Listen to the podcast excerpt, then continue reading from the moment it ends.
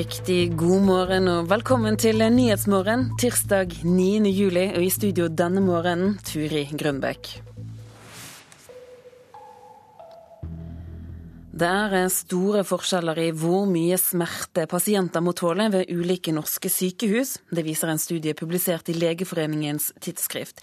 Hver dag gjennomgår 200 nordmenn tarmundersøkelsen koloskopi, bl.a. for å se om de har kreft. Kari Olsen i Søgne synes undersøkelsen var ille.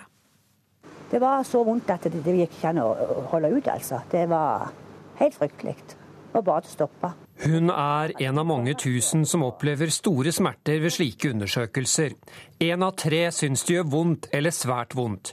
Unødvendig, sier overlege Øyvind Holme ved Sørlandet sykehus, som er en av de som står bak studien. Koloskopi er en rutineundersøkelse på norske sykehus, og at en tredjedel av pasientene våre opplever undersøkelsen som smertefull, det syns jeg ikke er akseptabelt. Men det er store forskjeller mellom sykehusene.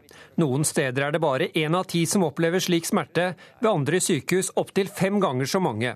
I motsetning til i mange andre land gjøres de fleste tarmundersøkelser på voksne her i landet uten rutinemessig bedøvelse. Og når det først brukes, blir det ofte gitt feil type bedøvelse, sier Holme.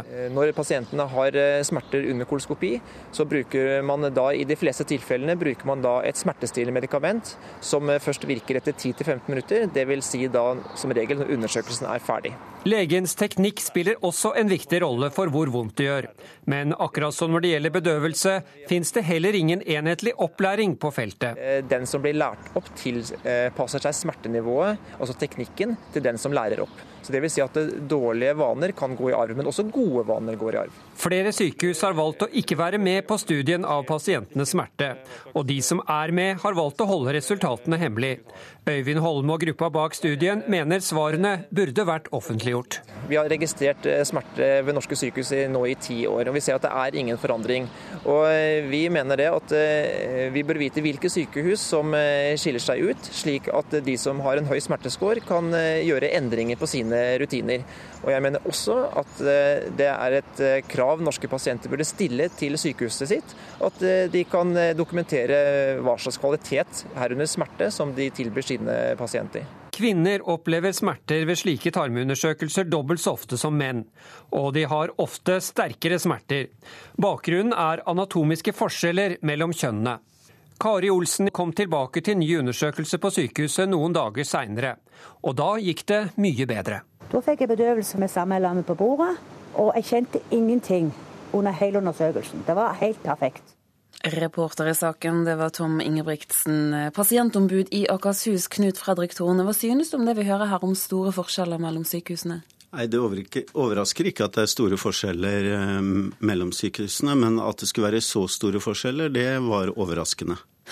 Har du hørt, eh, hvilke historier har du hørt om dette tidligere? Altså det er klart at eh, Vi får innimellom henvendelser fra pasienter som har opplevd dette som svært smertefullt. og Det burde være fullstendig unødvendig i dag at man skal oppleve en slik undersøkelse som smertefull. Hvorfor tror du det er slik? Nei, Det er flere årsaker. Her var jo legen som står bak undersøkelsen inne på bruken av smertestillende, altså feil bruk av smertestillende. Altså bruker en type smertestillende som har effekt etter at undersøkelsen er over. Så det er klart at På dette feltet her så burde det vært retningslinjer nasjonalt som sa noe om hva man skulle bruke, hva som var den gode praksisen. For det finnes ikke? Så vidt det er meg bekjent, så finnes det ingen retningslinjer fra Helsedirektoratet som sier hva man skal bruke av smertestillende i denne type undersøkelser. Denne type undersøkelser, gjelder dette med smerte kun koloskopi? Eh, nei, men her er det da foretatt en undersøkelse nå. Her har man avdekket at her er det betydelig smerte hos eh, stor del av de pasientene som blir undersøkt. Og man har avdekket at det er eh, hva jeg vil si, bemerkelsesverdig store forskjeller mellom sykehusene. Og det må det gjøres noe med. Hva bør gjøres? Eh, det er klart at eh, her bør jo det gjøres flere ting. For det første så bør man da få noen nasjonale retningslinjer for bruk av smertestillende. Og så er det helt klart at legene bør jo da kurses. Det kommer fram i undersøkelsen at eh, her er det mye opp til legens teknikk. Og det er klart at Når lege, sykehusene ikke har oversikt over hvilke leger som har den gode teknikken, så vil opplæringen bli deretter. Da så har du en dårlig læremester, så får du de dårlige vanene. Eh, og det, Sånn vil det jo være så lenge sykehusene og ledelsen ikke har oversikt over hvilke leger som er dyktige på dette feltet. Så her bør legene kurses av de legene som kan dette. Men hva vil nasjonale retningslinjer, som du også etterspør, hva vil det hjelpe? Det vil hjelpe på at eh, f.eks. da bruken av eh, smertestillende blir enhetlig over hele landet. Sånn at man forhåpentligvis får utjevnet de forskjellene som er. Systematisk jobbing, har du noen eksempler på hvordan det har gitt bedre resultater? Jeg har et eksempel fra Bærum eh, sykehus, som eh, tidligere var dårligst i landet når det gjaldt eh, infeksjoner etter keisersnitt. De er nå desidert best i landet på infeksjoner etter keisersnitt. Og Det var fordi at eh, de ble klar over hvor dårlig de lå an i forhold til resten av landet. Så har de gjort eh, betydelig innsats og har hatt en formidabel forbedring der ute på det området. Du var inne på det i sted, men resultatene de blir jo ikke gitt ut når det gjelder hvert enkelt sykehus. Hvorfor er det viktig? Det er viktig for at pasientene skal kunne velge det sykehuset som har den beste behandlingen på dette området her. Vi har fritt sykehusvalg. Og så mener jeg at eh, det med åpenhet i helsetjenesten det er et gode, og det vil spore til forbedring. Nå sier denne undersøkelsen at eh, på dette feltet her har det nærmest vært status quo i ti år nå. Det har ikke skjedd noe endring. De sykehusene som var dårlige for ti år siden, er fremdeles dårlige. Og det må det gjøres noe med. Pasientombud i Akershus, Knut Fredrik Torne, takk skal du ha. Mange hundre tusen nordmenn kan låne penger nesten gratis i Statens pensjonskasse, og Husbanken ligger renten nå på halvparten av privatbankenes nivå, og snart blir noen av lånene enda billigere. Og Det kan presse private banker til rentekutt. Det er en for drøy eh, rentesprang til, eh, til private banker. Så det er ille nok som det er. Får bare begynne å jobbe i staten nå. Nei, Det bør jo være likt for alle. På gata i Lillehammer lar en del seg provosere av den superbillige renta som er forbeholdt bl.a. statsansatte. For mens de fleste storbankene nå har hevet boliglånsrenta til rundt 4% tilbyr Statens pensjonskasse en rente på 2,23 og i en annen statlig bank blir det snart enda billigere å låne penger. I august så settes renta til Husbanken ned, og da blir den 2,08 sier Husbankens regiondirektør Guri Bergo. Sjefanalytiker Erik Bruse i Nordea Markets mener tilbudet er uslåelig godt. Dette er mye, mye lavere nivåer enn du får i private banker for øyeblikket. Men Bruse mener superrenta som tilbys noen hundre tusen nordmenn, også kan være godt nytt for alle andre. Det er klart at eh, det er en del av konkurransebildet, og det er jo det vi lurer på nå. Om eh, konkurransebildet vil gjøre at bankene, private banker nå etter hvert begynner å, å sette ned rentene. For det, som sagt så er det ganske gunstige marginer bankene har nå på, på, på sine, sine, utlån. Så hvis konkurransen blir hard nok, så, så må private banker svare med, med lavere renter. Og den konkurransen kan bli tøff, for lave norske statsrenter sørger for at statslånene blir så gode. I tillegg til dette så, så, tar eh, staten mindre betalt. Det er bare en ganske liten provisjon for, for driftskostnadene. Derfor venter lånesjef Freda Loibi i Statens pensjonskasse at den store økningen i lånesøknader fortsetter. Og I 2012 så behandlet vi 50 flere søknader enn året før. og Det er ingen tegn til at det skal bli noe mindre pågang nå. Trykk er det også i Husbanken, som primært hjelper vanskeligstilte inn i boligmarkedet. Regiondirektør Bergo sier mange nye kunder er skremt av storbankenes renteheving. Søknader til oss har økt med 100 30. Eh, mai hadde vi 100% flere søknader enn samme periode i fjor. Vi har 25 eh, milliarder til rådighet i lånemidler. Eh, sett på etterspørselen så kunne vi ha lånt ut 50 milliarder lett. Reporter her var Sindre Heierdal. Jan Ludvig Andreassen, du er sjeføkonom i finanskonsernet Eika Gruppen. Hvordan har det seg at disse statsbanklånene blir så utrolig billige? Ja, Nå låner jo staten inn eh, til veldig rimelige vilkår. Og eh, det er nesten ikke noe tap på disse lånene. Så eh, da kan staten låne ut veldig gunstig. Og, så er det i tillegg slik at de omgår vanlige kredittreguleringer, og kan da også låne ut til med lengre avdragsfrihet og større andel av boligens verdi. Så Hvis vi da tar med inflasjon og rentefradrag og alt, så er vel den reelle renten enda lavere? Ja, det er, det er, riktig.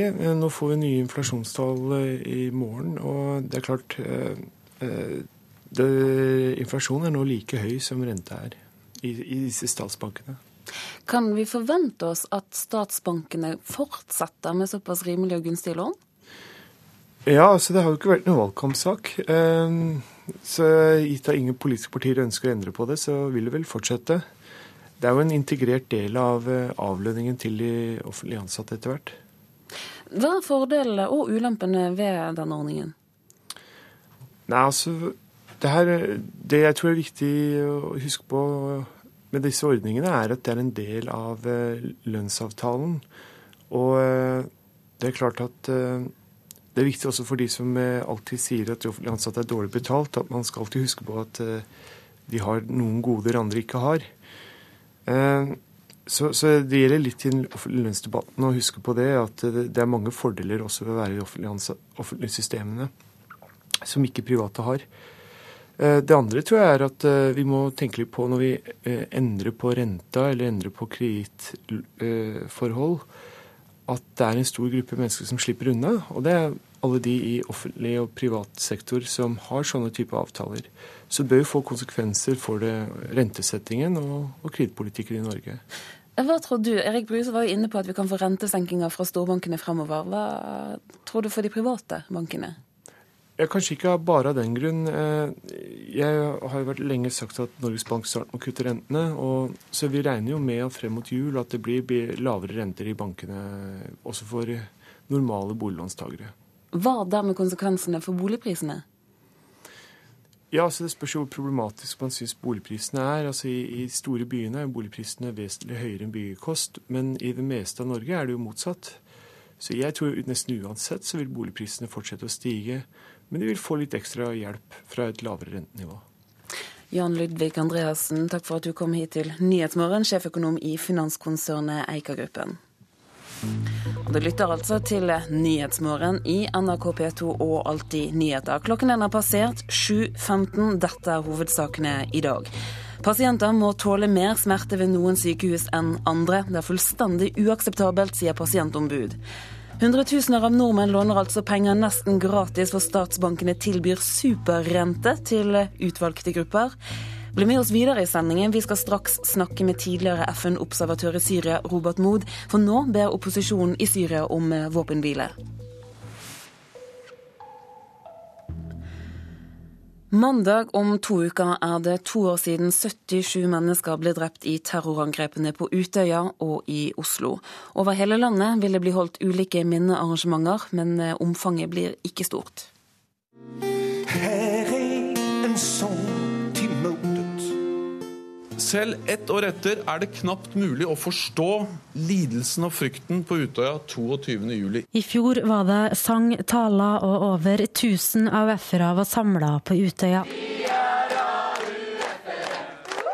Men i år, to år etter terrorangrepet, blir det ingen allsang på Utøya 22.07. Det blir en mindre eh, og nedtonet markering av det som skjedde 22.07. Det forteller AUF-leder Eskil Pedersen. Mange av våre medlemmer har uttrykt et ønske om at 22. Eh, også bør ha rom for mer privatsorg. Så det blir et mindre arrangement, men likevel er det viktig for oss å markere det som skjedde. I Oslo blir det en enkel kransenedleggelse ved regjeringskvartalet og en minnegudstjeneste i domkirka. AUF vil holde en minnemarkering og en kransenedleggelse ved landsida i Hole kommune, mens den nasjonale støttegruppa har et tilsvarende arrangement på Utøya. Hvor eh, statsministeren skal legge ned en krans og holde en tale, og leder for støttegruppa skal holde en tale. Beate Vatndal i støttegruppa forteller at mange har behov for å markere dagen på sin måte, uten store arrangementer, konserter og taler. Stort sett så har tilbakemeldingene kommet på at de bare ønsker å være på øya. Den 22. juli og to dager før vil de arrangere transport til og fra Utøya for pårørende og overlevende. Planen er at eh, alle kan få lov til å gå litt rundt og gå på de stedene de ønsker å være. Vi har valgt å gjøre det sånn fordi at uh, til neste år så skal det begynne å rives på øya. Og det er en del av de etterlatte og de overlevende som enda ikke har vært på øya. Og den tida 22. kan bli en vanskelig dag for mange, så valgte vi å gjøre det sånn og ha det åpent i to dager i forkant, sånn at de som syns det er vanskelig å komme den 22., har mulighet til å komme en av de andre dagene. Det sa Beate Vatndal i den nasjonale støttegruppen etter 22.07-hendelsene. Reporteren det var Siv Sandvik. I natt startet fastemåneden ramadan, og nå ber opposisjonen i Syria om våpenhvile i et forsøk på å stanse de harde kampene i byen Homs. Befolkningen i byen opplever nå de verste kampene siden opprøret startet i mars 2011. Samtidig velger både opposisjonen og regjeringen å skifte ut en rekke sentrale ledere, i håp om å få bedre kort på hånden i kampen om Syria. En bombe slår ned rett ved moskeen i gamlebyen i Homs. De forsøker å ødelegge den. Hvor er dere, arabere? Vi har bare deg, Gud, til å hjelpe oss, sier mannen som filmer angrepet. I over ett år har opprørerne hatt kontroll over deler av denne strategiske byen mellom hovedstaden Damaskus og Middelhavet. Nå skal de ha utrustet seg med bombebelter, rede til å ofre alt. For det er nå gått elleve dager siden Assad startet sin siste storoffensiv for å gi dem nådestøtet. Og siden har befolkningen vært under konstant bombardement. Presidentens menn skal nå ha gjenerobret områder øst i byen og være på fremmarsj. Syrias nasjonalkoalisjon er svært bekymret. The regime bombed uh, homes since few days, and we really are scared about the people The, The civilians are really received a lot of rockets every day. Regimet har bombet Homs i flere dager, og vi frykter for folks sikkerhet. Sivile angripes med raketter hver dag, og vi er ikke sikre på om kjemiske våpen er i bruk sa Ahmed Marwan i Syrias nasjonalkoalisjon da de var samlet i Tyrkia i helgen. Mens soldatene kjemper i front, jobber strategene på spreng. I helgen valgte Syrias nasjonalkoalisjon president. The new president of the Syrian coalition is Mr. Ahmed al-Asi al-Jarba. Jarba skulle samarbeide med statsministeren for de opprørskontrollerte områdene, Hassan Hitto, som koalisjonen valgte for fire måneder siden. Men Hitto har med sin tilknytning til Det muslimske brorskap vært lite samlende for opposisjonen. Mandag valgte han å trekke seg, da det ikke har lyktes ham å danne en regjering.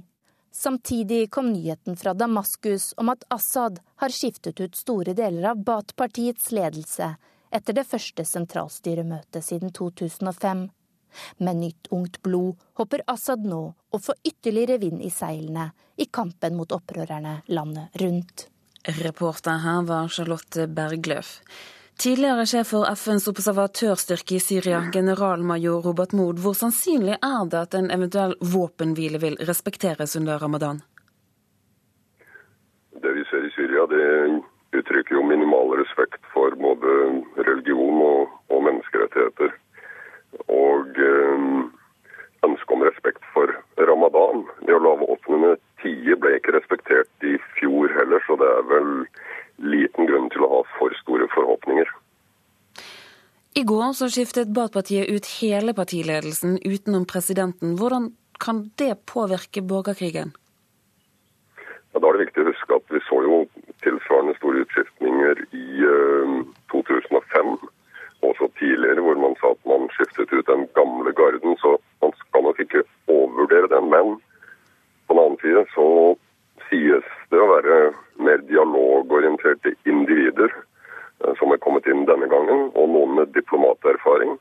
Og så er det jo et interessant at uh, sikkerhetstjenestene synes uh, ikke representert, eller langt svakere representert. Så vi kan jo håpe på at dette da indikerer en justering av kursen. Og at opposisjonen på sin side uh, også dermed ser større muligheter for en dialog i fortsettelsen. Opposisjonen, hvor splittet er de? Ja, Der er splittelsen dessverre stor, både mellom gruppene inne i landet og mellom de som er inne og slåss, i forhold til de opposisjonelle som da har sitt utspring og virker utenfor Syria. Jeg var inne hos opprørerne ved denne Khalid bin al-Walid-moskeen i Homs i fjor sommer. Allerede da var ødeleggelsene store, eh, og opprørerne var krystallklare på at den eksterne opposisjonen ikke representerte dem og, og deres kamp. Hvor ødeleggende er det for opposisjonen at splittelsen er såpass omfattende? Den er ganske kritisk, for nå har det jo gått et år og flere tapte muligheter hvor opposisjonen kunne ha forhandlet fra en forholdsvis sterk posisjon. Men de mulighetene har de mista, fordi at de altså ikke har klart å samle seg bak én troverdig stemme, en representant som kunne samle opposisjonen mot felles målsetting. Hvordan vil du karakterisere krigføring i Syria nå? Ja, Det er det jo faktisk vanskelig å gjøre med ord, da. Um, men um, man kan jo si at det som starta som et fredelig opprør mot undertrykkelse, det har utvilsomt utvikla seg til en voldsom borgerkrig. Og vold avler vold hver dag og i økende grad. Og så er det viktig å huske på at vi ser en menneskemengde på størrelse med faktisk Norges befolkning, som har fått hus, hjem, skoler og sykehus ødelagt og familiemedlemmer drept. Og følelsen da av å være overlatt til seg selv og sveket av alle som kunne hjulpet, er stor og, og økende inne i Syria. Og Da jeg møtte disse opprørerne i, i Homs og i andre byer i Syria i fjor sommer, så var jo alle da overbevist om at det var bare uker før Vesten ville komme til unnsetning og til hjelp, som de hadde sett i Libya. Men det har ikke skjedd? Det har ikke skjedd. Generalmajor Robert Moe, takk for at du var med oss her i Nyhetsmorgen. FNs generalsekretær Ban Ki-moon fordømmer volden i Egypt. Han krever en uavhengig granskning av gårsdagens sammenstøt der flere enn 50 personer mistet livet. De som ble drept var hovedsakelig islamister som støtter den avsatte presidenten. Det er nå lagt frem en tidsplan for nye valg i Egypt. En ny nasjonalforsamling kan trolig først velges i februar neste år. Da er tiden inne for å se nærmere på avisforsidene. Alle alvorlige syke skal få sin egen kontaktperson, som kan rutiner ved sykehusene og vet noe om pasientrettigheter. Forslaget det kommer fra helseministeren og står på forsiden av Aftenposten. Det er full krangel om Mette-Marits luksus. Det er overskriften til Dagbladet, som forteller at kronprinsessen får flere designkjoler og vesker i gave. Dagsavisen skriver om et forslag der ofre for voldtekt skal få forklare seg om overgrepet på video, i stedet for å vitne på vanlig måte. Tanken er at dette kan være mindre belastende for ofrene. Pave Frans den første refser global likegyldighet til flyktninger. Det får han ros for på forsiden av Vårt Land. Nasjonen har ryddet plass til en debatt om Norge skal si ja til å importere genmodifisert mais eller ikke. Bioteknologinemnda sier nei til slik import. Det florerer av regelbrudd i kommuner og bedrifter som kjøper inn renholdstjenester, skriver Klassekampen, som viser til tall om at ni av ti som kjøper slike tjenester, ikke sjekker at tariffavtalen blir holdt. Dagens Næringsliv følger opp saken om korrupsjonsmistanker i selskapet Yara. Yara går nå til sak og krever 300 millioner kroner fra tidligere eier, som mistenkes for å ha vært kanal for bestikkelser. Lavere fart skal gi færre ulykker på veiene, skriver Stavanger Aftenblad om et forslag fra Vegvesenet om å ha variable fartsgrenser. Også i Nordlys handler det om trafikk i dag. Bl.a. en motorsyklist som selv har vært involvert i trafikkulykke, oppfordrer nå alle trafikanter til å ta det med ro. Og bestemor gir barna for mye kosemat. Ekspertene advarer nå, og saken kan du lese på forsiden av VG.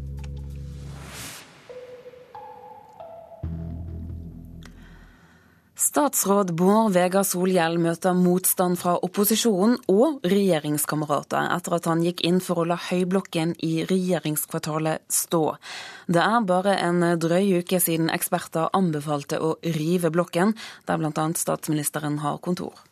Jeg mener Høyblokka skal bli stående. Kulturvernminister Bård Vegar Solhjell ga i Dagsrevyen i går klar beskjed om hva han mener bør skje i regjeringskvartalet. Det er et unikt bygg i vår nyere historie. Ingen av partiene på Stortinget har tatt et endelig standpunkt i saka, men det kan se ut til at kulturvernministeren her får ei utfordring. Jeg heller vel egentlig mot at vi burde rive og bygge nytt. Heidi Greni representerer Senterpartiet i kommunal- og forvaltningskomiteen på Stortinget. Det er jo mange argument som taler for riving. Det å få et uh, funksjonelt bygg, et sikkert bygg. For litt over ei uke siden tok fornyingsminister Rigmor Aasrud imot en ekspertrapport. Den konkluderte med at det i løpet av de neste 50 åra vil koste oss 400 millioner kroner mer å beholde Høyblokka enn å rive og bygge nytt. Ikke verdt pengene, mener Gjermund Hagesæter i Fremskrittspartiet. Det er mange gode argumenter Eh, som tilsier det at det er mer fornuftig å bygge opp fra nytt av. Da får man et moderne bygg. Man får et eh, sikkerhetsmessig bedre bygg, og, og, det kan godt hende at man også kommer bedre ut eh, økonomisk. Mens politikere fra Frp og Senterpartiet heller mot riving, er det også de som støtter Bård Vegar Solhjell, slik som Ola Elvestuen i Venstre. Høyblokka og Y-blokka har arkitektoniske verdier som bør beholdes. Reporter i denne saken, det var Sondre Bjørdal. Du lytter til Nyhetsmorgen her i NRK P2 og i Alltid nyheter. Straks så blir det Dagsnytt her. Dessuten, Kina har åpnet en ny lyntoglinje og har ambisiøse planer om flere. Dette får du mer om i utenriksreportasjen som kommer rett etter Dagsnytt. Dessuten så er det jo slik at Politisk kvarter følger på. Det skal handle om valgkampen, om den er negativ, om det er slik at det er skremmebilder som, som, holder, som blir presentert i, eh, i, valgkampen. Men dette er altså en del av Nyhetsmorgen alt. Produsent for Nyhetsmorgen i dag det er Eli Bjelland. Her i studio Turi Grønbekk.